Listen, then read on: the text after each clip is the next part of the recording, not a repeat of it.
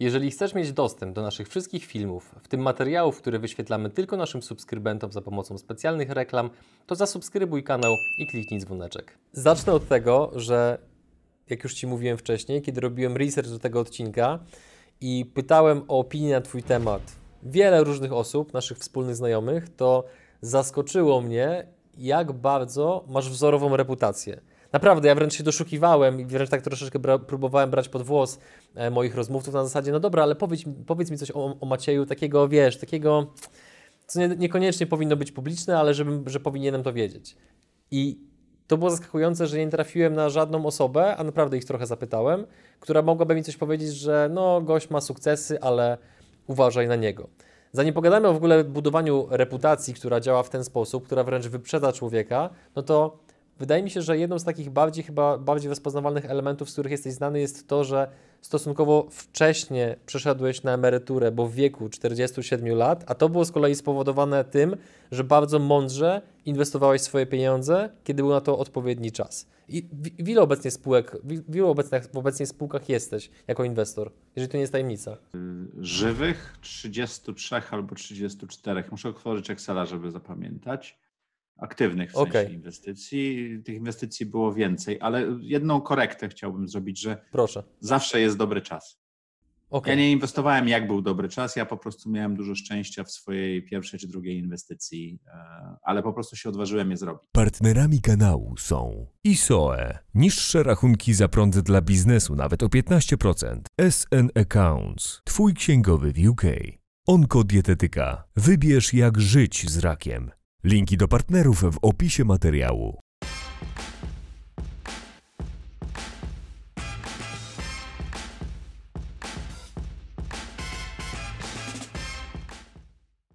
Wiesz co, bardziej miałem na myśli to, że zacząłeś chyba inwestować, wydaje mi się, y, stosunkowo wcześnie. Ile miałeś wtedy lat? Czy, znaczy ja może opowiem tą całą historię od początku, to jest zresztą na y, mhm. tam jubileuszowym moim odcinku, chyba 23, gdzie na swoje 50 urodziny nagrałem i dokładnie tę historię opisałem, mhm. bo ja prowadzę też audycję za projekty Swoje Życie. Mhm. I e, ja przeczytałem w 2001 czy 2002 roku e, Kajosakiego Bogaty Ojciec, Biedny Ojciec i w ogóle odkryłem, co to jest pasywny dochód tak? ale w ogóle nie potrafiłem tego zastosować. Czyli teoretycznie to wiedziałem, ale żadnej praktycznej wiedzy nie miałem. I potem przeczytałem e, Tima Ferrisa 4 godziny tydzień pracy, czyli takie, takie ta książka nie jest rewelacyjna, ale wtedy otworzyła mi oczy, że tam jest lifehacki i można rzeczy robić przy okazji kariery. Ja w tym czasie byłem e, pracownikiem najemnym, pracowałem w korporacjach, całkiem fajną karierę robiłem i tak dalej. I miałem wtedy, nie wiem, który to był rok, jak e, Ferris wypuścił książkę, ale miałem tam 35-7 lat prawdopodobnie. I po prostu postanowiłem, że zacznę inwestować w firmy, które rozumiem i będę inwestował. Pierwsza inwestycja wyszła całkiem ok, drugą straciłem kilkaset tysięcy złotych, trzecią straciłem jeszcze więcej, czwarta zaczęła działać i tak dalej. Niestety, jak się odniesie od razu sukces, to się ma duże poczucie um, yy, Nieomylności? Nieśmiertel, nieśmiertelności czy nieomylności, tak? Więc to było tak, że te druga i trzecia były totalnymi błędami, na które trzeba było zwrócić, zwrócić uwagę, ale ja nie miałem tej wiedzy. E, drogie lekcje. I udało mi się po prostu, no miałem szczęście, no, to, w to, w co zainwestowałem, prosta spółka handlowa zaczęła działać i rozwijać się i, i tak dalej, więc ona zresztą działa do dzisiaj. Jak się nazywa? Już takich, tajemnica? Ja nie, nie, wszystkie inwestycje swoje zdradzam. Wiesz, mam kupę takich inwestycji, które po prostu. Bo ja, bo ja też nie jestem um, aktywny w tych spółkach. Okay.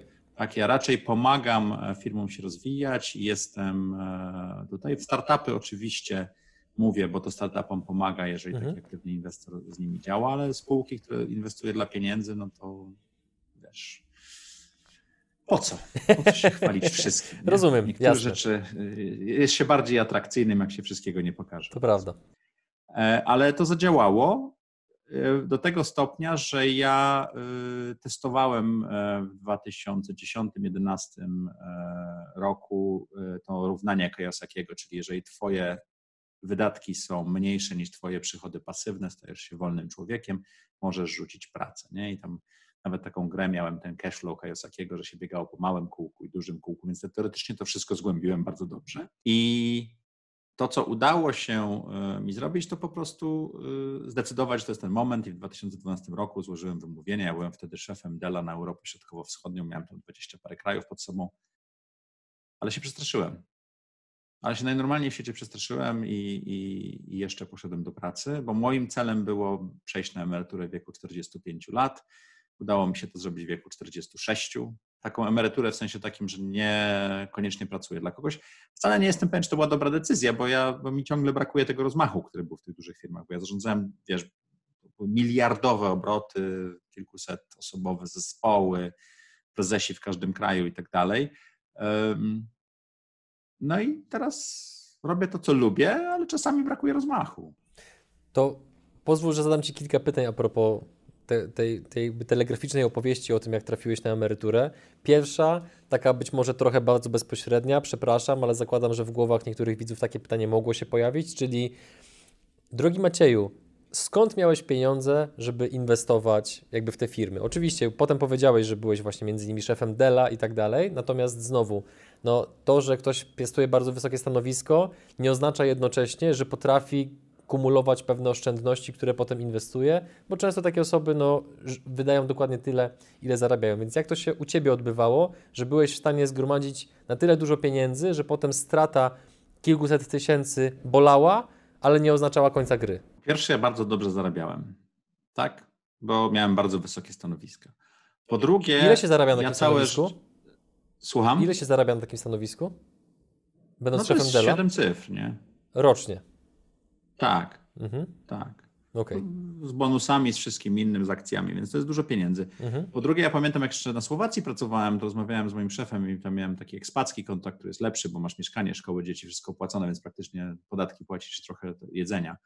To jest, może nie zarabiasz tyle samo, co, ale to jest bardzo, bardzo fajne, jeżeli ktoś myśli o tym, to, to finansowo jest dobre, życiowo niekoniecznie. Mhm. To pamiętam, że rozmawiałem z moim szefem, ja mówiłem, że ja 62-63% moich dochodów netto oszczędzam. Dużo. Ja od samego początku y, swojego życia, jak miałem, że zacząłem zarabiać pieniądze, byłem kilkanaście lat, zawsze interesowała mnie suma netto, czyli nie to, ile mam, wiesz, teoretycznie na umowie jakiejś, tylko ile z tego zostaje. Czy jak prowadzisz biznes, to ile pieniędzy zostaje do ciebie po podatkach, zarówno mhm. spółkowych, jak i twoich e, belkowych, żeby dostać tak dalej. Więc zawsze, zawsze liczyłem się w takim cashu. Cashflow jest tym, na co bardzo zwracam uwagę. uwagę. Ja używam takiego software'u, który nazywa się Quicken, jest już bardzo stary. Tam Michał Szafrański używa, używa chyba Microsoft Money, jest to, to sama półka, to są lata tam 90. Ja od 30 mhm. lat używam tego samego softu, dokładnie wiem do drugiego miejsca po przecinku, co mam i gdzie i tak dalej. Czasami zastanawiam czy to za dużo czasu na tym nie ma, ale y, to wynika, y, więc odpowiadając bezpośrednio na Twoje pytanie, wynikało z dwóch rzeczy. Ja po prostu postawiłem, jak przyjechałem do Polski w 97 roku ze Stanów, to wziąłem sobie jakąś gazetę, nie pamiętam, co to była za gazeta i tam było 20 największych polskich firm, wtedy chyba Telekomunikacja Polska była numer jeden, powiedziałem, że będę prezesem tej firmy. Nie? I, I, przez 10 lat bardzo dożyłem do tego. Ja takie wierzę w takie sprinty dziesięcioroczne, tak? Czyli to był 98 rok, w 2008 roku zostałem prezesem Dela. No, nie była to największa firma i tak dalej, ale pozwalała zaspokoić pewne rzeczy. Więc jeżeli żyjesz w ten sposób, udaje ci się oszczędzać. Ale y, demystyfikując, moja pierwsza inwestycja to chyba było 50 tysięcy złotych, może 40 tysięcy złotych. Tak, więc mhm. to, to było dużo pieniędzy wtedy dla mnie. To w porównaniu na te pieniądze, które teraz się inwestuje w startupy, to nie było dużo pieniędzy, ale myśmy mieli dobry pomysł. On szybko wystartował w ciągu chyba półtorej roku czy dwóch lat. Firma już była na zielonym i nie trzeba było do niej dokładać i tak dalej. Więc to wszystko udało się zrobić. I to nie muszą być duże sumy, a poza tym pamiętajcie jedną rzecz, że macie dwie rzeczy, które nie są mierzalne w pieniędzmi. To jest czas i wasze doświadczenie i inteligencja. Tak? Wiedzę można zdobyć. Jak ja zaczynałem w 80. i 90. latach, to nie było takich rzeczy. Chodziłem do biblioteki w Stanach, pamiętam, i czytałem, jak inwestować. Książki Warrena Buffetta tam czytałem i tego typu rzeczy. A w tej chwili można, wiesz, klik, klik i jesteś tam, tak? I dowolną rzecz. Więc warto tą wiedzę zdobyć, warto się wyspecjalizować w jakimś zakresie, a potem to poszerzać. Ja nie, nie, nie wierzę w to. Warto stwierdzić, że ok, będę to robił i robić to coraz lepiej, coraz lepiej, coraz lepiej, coraz lepiej, aż stanie się osoba mistrzem w tym, co robi. To może być inwestowanie w firmy, to może być tworzenie audycji, czy też programów, tak jak ty i ja. to może być specy- bycie specjalistą czy generalistą w korporacjach, bo tam też można dobrze zarobić. A powiedz mi, tak troszeczkę jeszcze podrążę to, no bo e, wydaje mi się, że fakt, że oszczęd potrafiłeś oszczędzać tak dużą część swoich dochodów, no to jest to raczej niespotykane i, i no, no rzadkie, dużo rzadsze na pewno niż to, że ludzie po prostu żyją ponad stan, więc mnie bardzo ciekawi, jakie procesy myślowe zachodziły w Twojej głowie, że byłeś w stanie oprzeć się pokusie i tak ogromną część swoich dochodów po prostu odkładać? To jest pierwsza część pytania, a druga, co z nimi, tymi pieniędzmi robiłeś, zanim zacząłeś inwestować? Ja inwestowałem na giełdzie amerykańskiej. Nie, nie z jakimiś wielkimi sukcesami. Udało mi się stracić kupę kasy, jak był 2001-2002 rok. Tak? Bańka dotkomów. Tak, tak, więc to, to nie jest tak. Ja nie, bardzo wierzę w swoją zdolność inwestycyjną. Ja więcej pieniędzy, więcej razy tracę pieniądze niż je zyskuję. Ale mam parę takich strzałów, które to zrobiły. Nie jest tak, że ja, wiesz, chodzę po wodzie nie pozostawiając kółek i, i daleko mi do listy 100 najbogatszych e, Polaków. Zresztą się tam w ogóle nie pcham, bo jak robię wywiady, u mnie był i, i Rafał Brzoska, który chyba był u ciebie, i Przemek Gacek, którzy są na tej liście, to pytanie dokładnie, jak się, co ci dało znalezienie na tej liście, to raczej nie jest to pozytywny komentarz. Tak? Więc lubię, jak pewnych rzeczy nie widać. Wiesz co, ja jeżdżę 13-letnim samochodem, bardzo luksusowym, ale kupiłem go, y, jeździłem nim w firmie, jak się skończył leasing, to sobie go wykupiłem po prostu. E, mamy jeden samochód, mieszkamy w centrum Warszawy, w bardzo atrakcyjnym miejscu, ale ja mam biuro 700 metrów od siebie w budynku ZHP, który jak przychodzą goście, to czasami się mocno uśmiechają. No to takie wczesne lata 90., jak się chodzi po tym korytarzu. Oczywiście można by sobie wiesz, w szklanym super budynku wynająć, tylko to biuro jest blisko, jest wygodnie i jest tanio. Mhm. Tak? E, no nie, nie jest tanio, ale jest relatywnie powiedzmy, bo to jest jednak dobre miejsce w Warszawie. Używam starej komórki. Jak wymieniam komputer, to naprawdę już musi się zmęczyć. E, I takie rzeczy mm, oczywiste. To jest, to jest dla mnie zarówno ekologiczne, jak i ekonomiczne, bo zdaję sobie sprawę, że wiesz, wymiana komputera co roku no to jest kupa kasy, ale też kupa dwutlenku węgla, który zostanie wiesz, wypuszczony w atmosferę i kupy innych rzeczy. Więc ja zwracam na to uwagę. Staram się żyć tak, żeby jeżeli kupuję coś za pieniądze, to przede wszystkim doświadczenia. Przykład? Słucham? Jakiś przykład podasz z, z ostatnich takich zakupów? Doświadczenia? Mhm. No, doświadczeniem jest nasza rozmowa, doświadczeniem jest podróż, y, doświadczeniem jest pójście do teatru, y, tak, y, a nie kupienie sobie płyty tak, czy czegoś innego. To w jakie doświadczenie ostatnio zainwestowałeś? Co ja mam e, dwójkę bliźniąt 3,5 roku, więc to jest to doświadczenie, które jest 4 czy 5 lat temu postanowiliśmy, że zrobimy. I to doświadczenie zajmuje mi tak 120% mojej energii i z 98% mojego czasu. Przesadzam okay. oczywiście. Ale jest to drogie doświadczenie, tak? E, zarówno jeżeli chodzi o czas, energię, pieniądze i tak dalej. Niesamowite. Ja też mam starsze dzieci, Mhm. E, więc to byłoby to takie e, najbardziej wybitne. E, teraz, jak siedziałem na kwarantannie, to zakupiłem sobie cztery czy pięć kursów, webinarów takich dość zacnych, coś tam na masterclassie, żeby Malcolma Gladwella dostałem, więc dokupiłem sobie, żeby pisać książkę. Generalnie szykuję się od ponad roku do pisania książki, nawet napisałem już z pół strony, nie? Więc e, próbuję trochę nabrać tej energii. Więc to były takie rzeczy. Tak? Mhm. Teraz nie bardzo było specjalnie Rozumiem. przez ostatnie dwa czy trzy miesiące co robić. A e, w zeszłym roku miałem fatalny wypadek, spadłem z hulajnogi, więc od. Pamiętam. Miałem, o, największe doświadczenie, które zainwestowałem, proszę cię bardzo. W wrześniu, tydzień przed tym wypadkiem, zrobiłem swoje 50. urodziny na bardzo na dużym pasie, w tym sensie, że dużo osób zaprosiłem do fajnego klubu, wszyscy się dobrze bawili. Jak spojrzałem na rachunek, to stwierdziłem, że Boże Święty, można było sobie jakiś samochód nawet chyba pewno mały kupić, nie?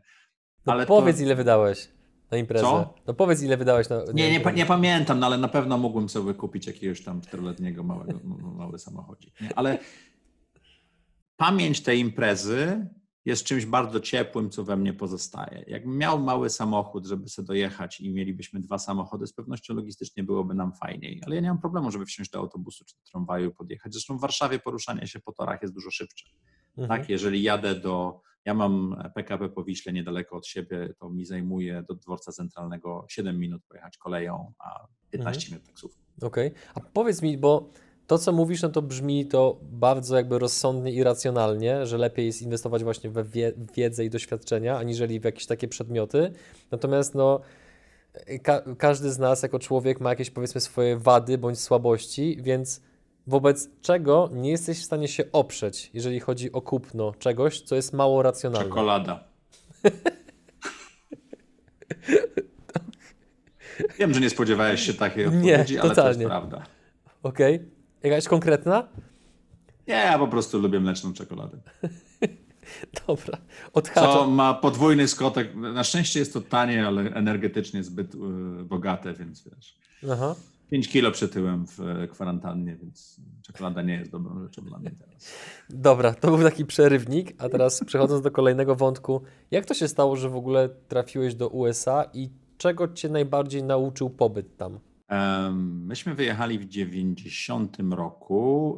E, to była rodzinna decyzja, żeby wyjechać. My jesteśmy taką rodziną, która tam i z powrotem jeździ. Ja mam chyba więcej niż połowę krewnych e, za oceanem niż w Polsce ale takim bezpośrednim, e, mój dziadek stracił obywatelstwo i tak dalej, więc wygraliśmy jakąś loterię, więc pojechaliśmy wizową w 90 roku, w momencie, kiedy chleb kosztował dwa razy tyle następnego dnia, jak się kupowało mnie, więc to był ten okres hiperinflacji, to był połowa roku.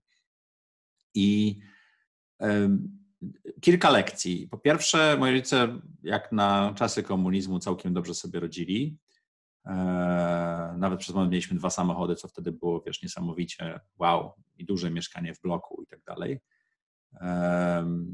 I mnie uderzyło takie wejście na tą dolną półkę społeczeństwa, tak? No bo wchodzisz jako imigrant pierwszy, pierwszego pokolenia, czy tam powiedzmy między pierwszym a drugim, bo tam rodzice byli, coś jeszcze. E, I bardzo, a ja, a ja całe życie chciałem pojechać do Stanów. Jako nastolatek w ogólniaku, to wiesz, uczyłem się angielskiego i tak dalej, i tak dalej. No i, i wchodzisz tam i, i wchodzisz do supermarketu spożywczego, to może być niesamowite, jeżeli ktoś to słyszy w tej chwili, a tam wszystko jest na półkach, tak? tak? I, i, I, możesz pójść i kupić, tylko musisz mieć kasę i to było niesamowite. E, mnie Stany bardzo przytłoczyły. Pierwsze dwa czy trzy lata totalnie nie odnalazłem się tam. E, zamiast pójść do super dobrej szkoły, to poszedłem do koledżu i tak dalej, więc się tam spinałem po trochu zamiast zaszaleć i spróbować dostać naprawdę dobrą robotę i trochę fake it till you make it zrobić, to jednak wspinałem się.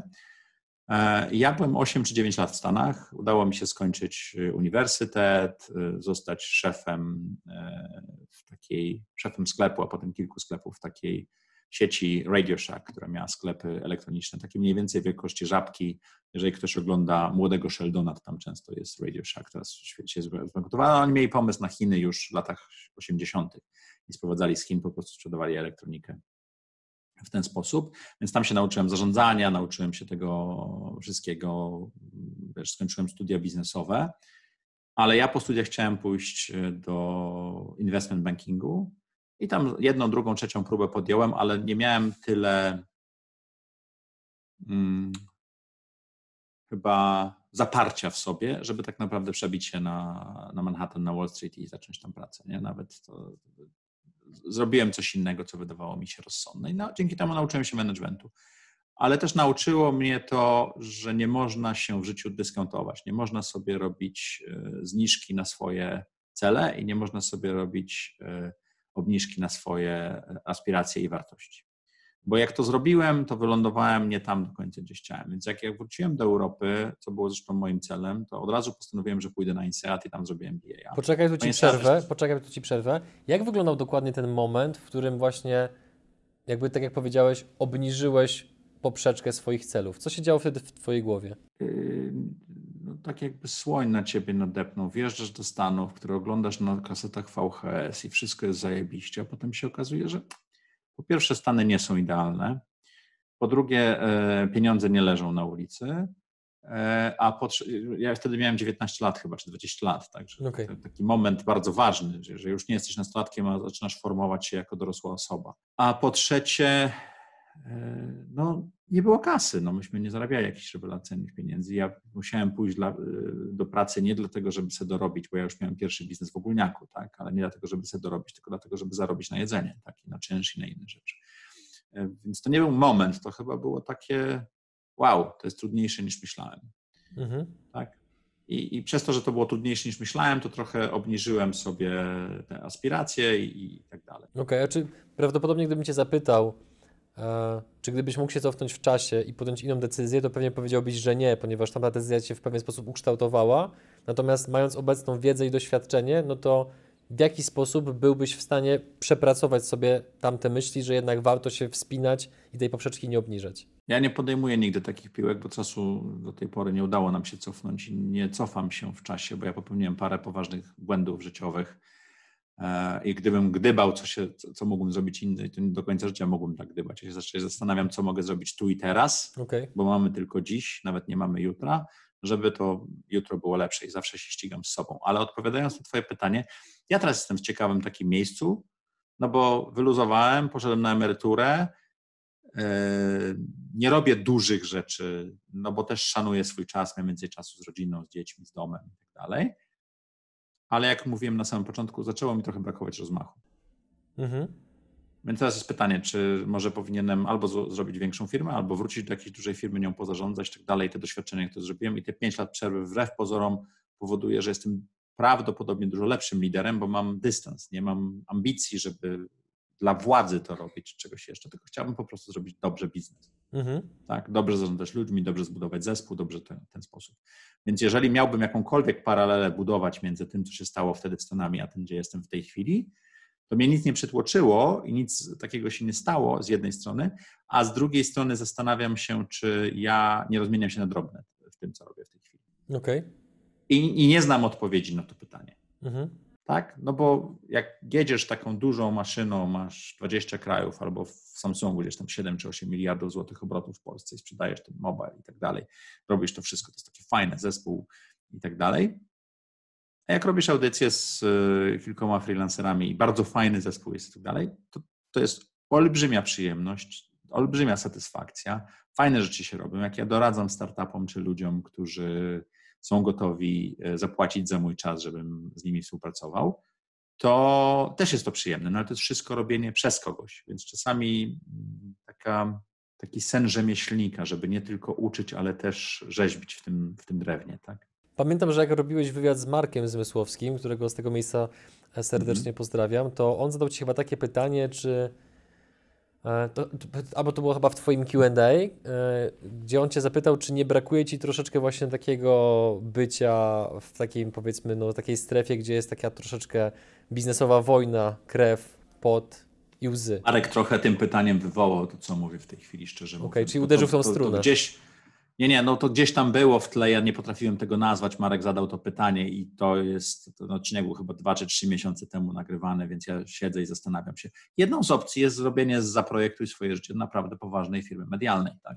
Mhm, mhm. No to właśnie jak jesteśmy, inaczej, do Zaprojektuj swoje życie przejdziemy za chwilę, jeszcze skończymy tą chronologię zdarzeń. E, postanowiłeś powrócić do Europy, co się działo dalej? Wróciłem do Europy, y, pracowałem w y, Blockbuster Video, które do Polski wtedy wchodziło. Tam trwało to rok, może rok i kilka miesięcy. Ta firma nie poradziła sobie. E, z uwagi na to, że Blockbuster właśnie wszedł na giełdę, więc Polski, Polska mu nie pasowała, a lokalny e, franczyzobiorca e, również miał franczyzę BP i właśnie się sądził z BP o rozwód tej franczyzy, więc wszyscy to zlali. A ja byłem na poziomie marketingu i produktu, więc kupowałem towar, więc wiedziałem, że nie płacimy, więc od razu wiedziałem, więc przeszedłem do dystrybutora e, wideo marek takich jak Disney, Fox i tak dalej, tak? Taka polska firma, której właścicielem był Hindus, e, bardzo ciekawa, aczkolwiek to była ciężka szkoła życia, tam byłem dwa lata i ja, ja zresztą jak przyjechałem do Polski, to postanowiłem, że po dwóch latach pójdę na INSEAD. Przez to, że tą pracę zmieniłem i czułem, że nie mam ciągłości, to zrobiłem to po trzech latach. I ja w drugim roku zacząłem przygotowywać aplikację do INSEAD. To jest, to jest pół roku roboty, żeby dobrze zrobić tę aplikację. No, trzeba zdać, wiesz, GMAT, kursy i tego, jakiś angielski, coś jeszcze, coś mhm. jeszcze, to, parę rzeczy, zebrać opinie od osób. No i poszedłem na ten INSEAD. To był rok 2001, czyli ja przyjechałem do Polski w szczycie kryzysu rosyjskiego, Tak? Bo jak ja przyjechałem, to wszyscy mówili, ja tam popracujemy to rok, potem pójdziemy do następnej firmy, dostaniemy dwa razy więcej kasy, bo tak do 98 roku mniej więcej rozwijało się to, że każdy jak był dobry, to go podkupywała kolejna firma. No i to się skończyło. Eee, wszedłem na INSEAD w roku 2000, tam wiesz, ludzie dostawali po 10 ofert za kupę kasy od Enronu i od innych firm. A ja przyjechałem w 2001 roku, e, zaczął się w połowie, był 19, e, 11 września, potem w tej okolicy również był pęknięcie bańki internetowej. No i to nie było tak, że ludzie dostawali po 3, po 10 ofert, tylko co trzecia, co czwarta osoba w ogóle miała ofertę pracy. Tak, z tych studentów, którzy zapłacili, teraz INSAT kosztuje chyba 120 tysięcy euro za rok, wtedy to było mniej, to było 20 tysięcy, 18-20 tysięcy euro plus, plus koszt bycia tam. No ale to było strasznie dużo pieniędzy. Pamiętam, że się zadłużyłem, ale potem dostałem stypendium. I ja po prostu postanowiłem, jako że ja pracowałem w sprzedaży zarówno w retailu, jak i w, w tym wideo i tak dalej, ja postanowiłem, że no, ja, ja poszedłem tam, żeby zdobyć lepszą pracę, tak? Bo jak siedziałem w Polsce, to moim marzeniem było jeździć Audi A6, bo taki na Bożu mieszkałem, tam jeden z szefów sprzedaży Coca-Coli, Butlera jeździł taką audicją, jeszcze taką zaokrągloną z tyłu i to po prostu, wiesz, było wow, ja tym moim Oplem zasuwałem do roboty i mówię, taki samochód kiedyś będę miał są ważne, żeby mieć takie cele, takie latarnie, do których się dąży. One mogą być absurdalne, tak jak samochód, ale to ważne, żeby to mieć.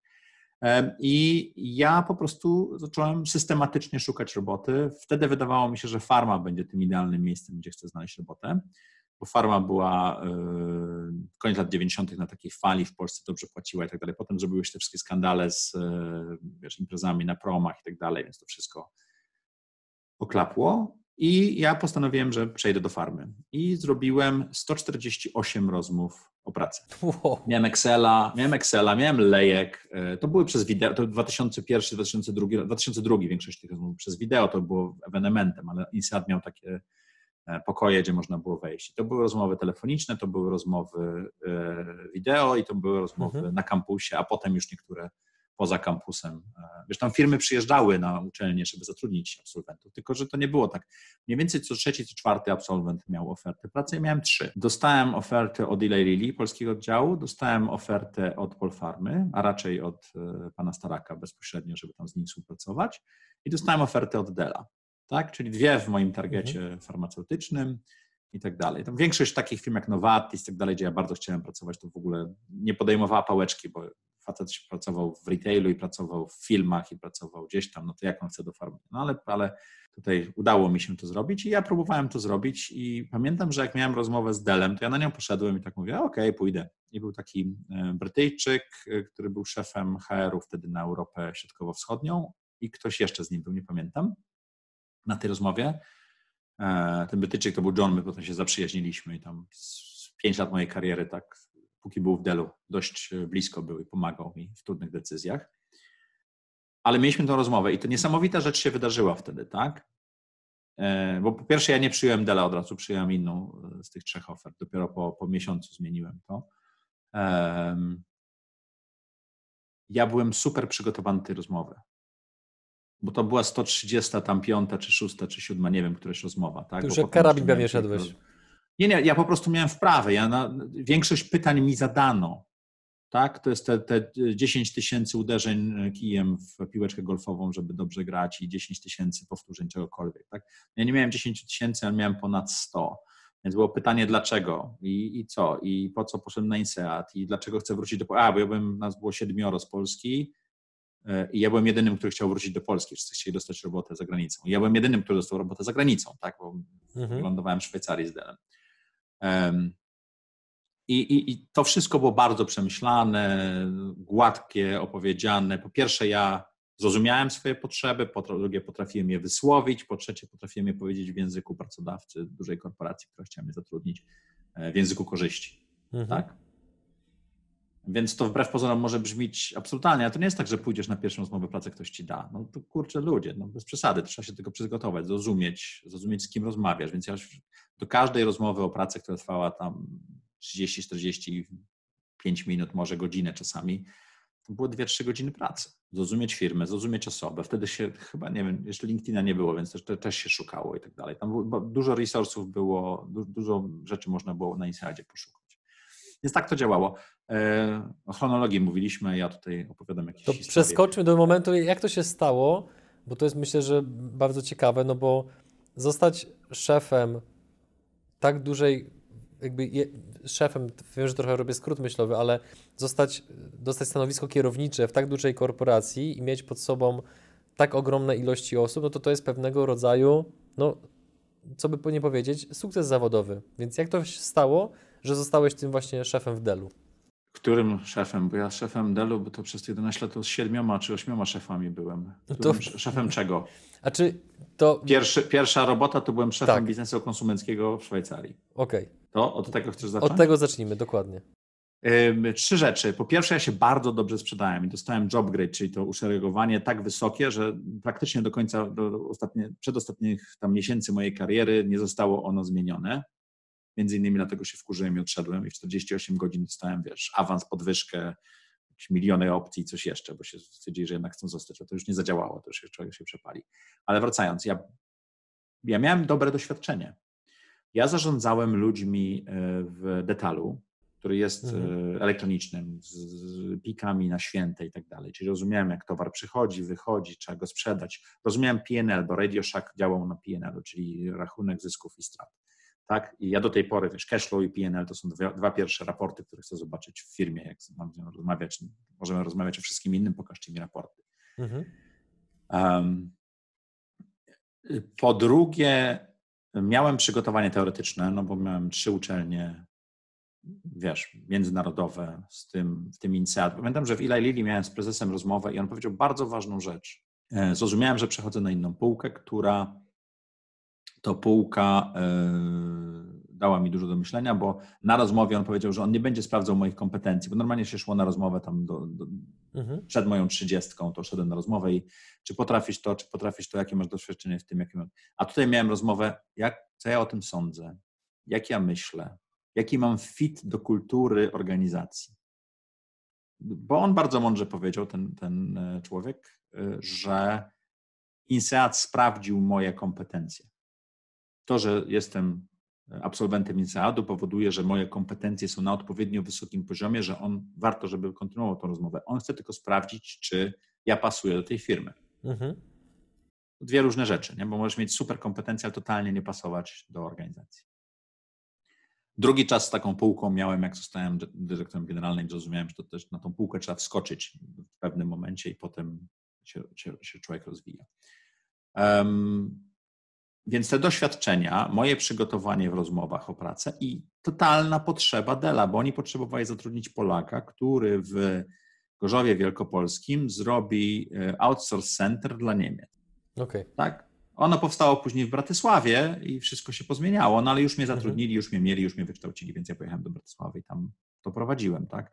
Ale to miało być, wiesz, był projekt, który był przygotowany, kandydat, który wydawał się idealny, no bo ze Stanów. Pamiętaj, że ja byłem człowiekiem, który wychował się w komunizmie, w Polsce pracował tam trzy lata, e, ale miał kupę doświadczeń ze Stanów, więc to też było fajne, więc Ogromny firmy, zastanawia, firmy zastanawiały się, czy ten człowiek sobie poradzi i będzie rozumiał firmy, to nie było problemu.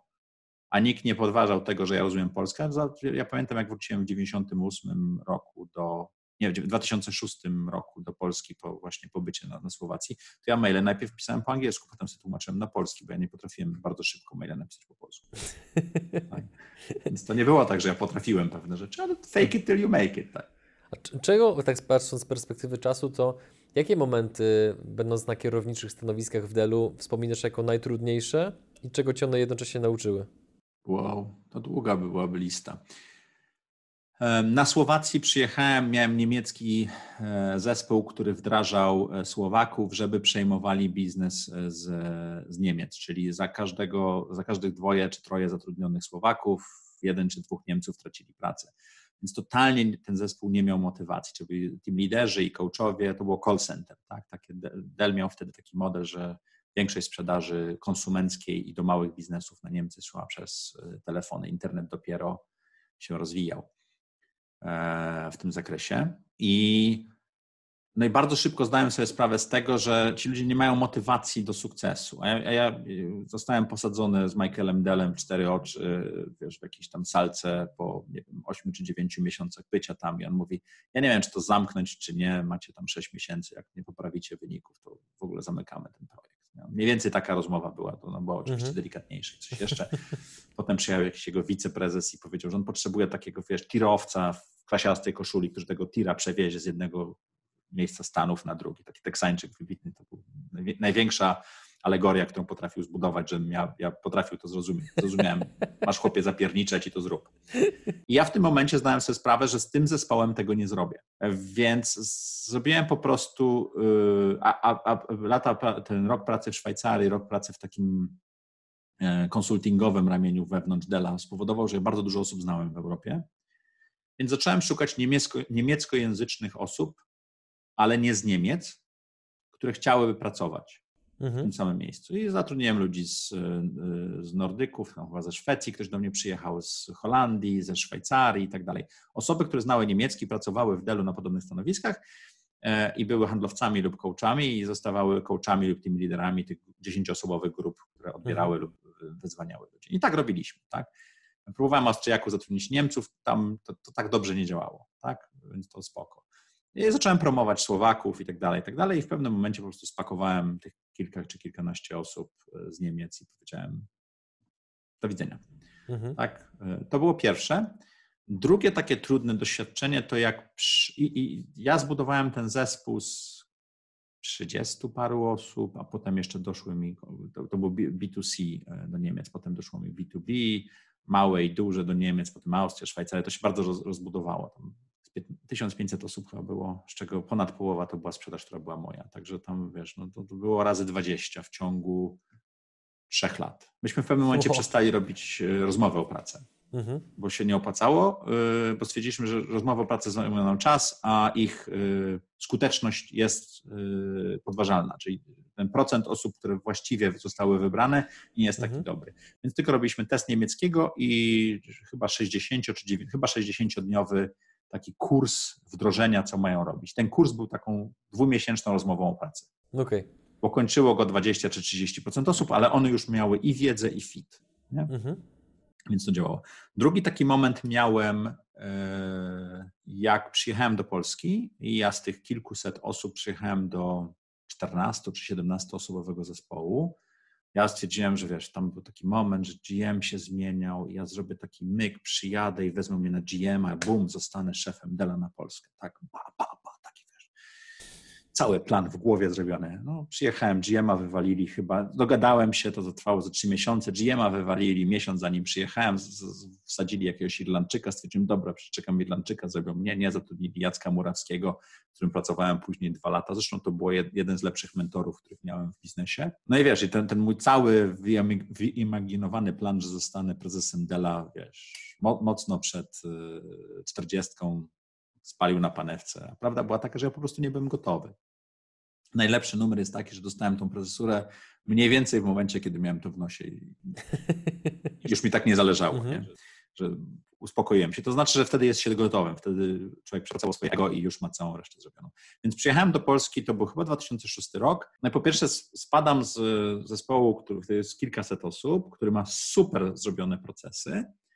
Jest w większości na inboundzie, część była na outboundzie, do zespołu, który a i tam było, nie wiem, z pół miliarda, może milion dolarów obrotu. Do zespołu, który ma, nie wiem, 16-18 milionów dolarów obrotu, 16-18 osób, więc w ogóle efektywność na głowę nie jest i tak dalej. No i mam to szybko naprawić i tak dalej. Tam siadam i, no i patrzę, że nikuta nie da się z tego nic zrobić, bo nie mam pomysłu. Po pierwsze, nie mam tej skali, nie mam menedżerów, którzy mi pomagają, a po drugie, nie mam pomysłu. No ale zacząłem zrobiłem znowuż to samo, obdzwoniłem wszystkich szefów, to się nazywało PAD, czyli e, Preferred Account Division. To był taki środek, taki słodki środek w Delu, czyli nieduże korporacje, które mają zakupowców i oni bardzo dobrze negocjują ceny, nie e, prywatne osoby czy małe biznesy, które nie mają kasy, więc bardzo dobrze zakupują ceny, tylko średni biznes, który nie ma procesów na to, żeby dobrze kupować, a ma potrzebę mieć dobry sprzęt, żeby to robić. No ale to był 2006 rok, jak dzwoniliśmy do klientów, to pytali się Dell, a co wy sprzedajecie? Cukierki?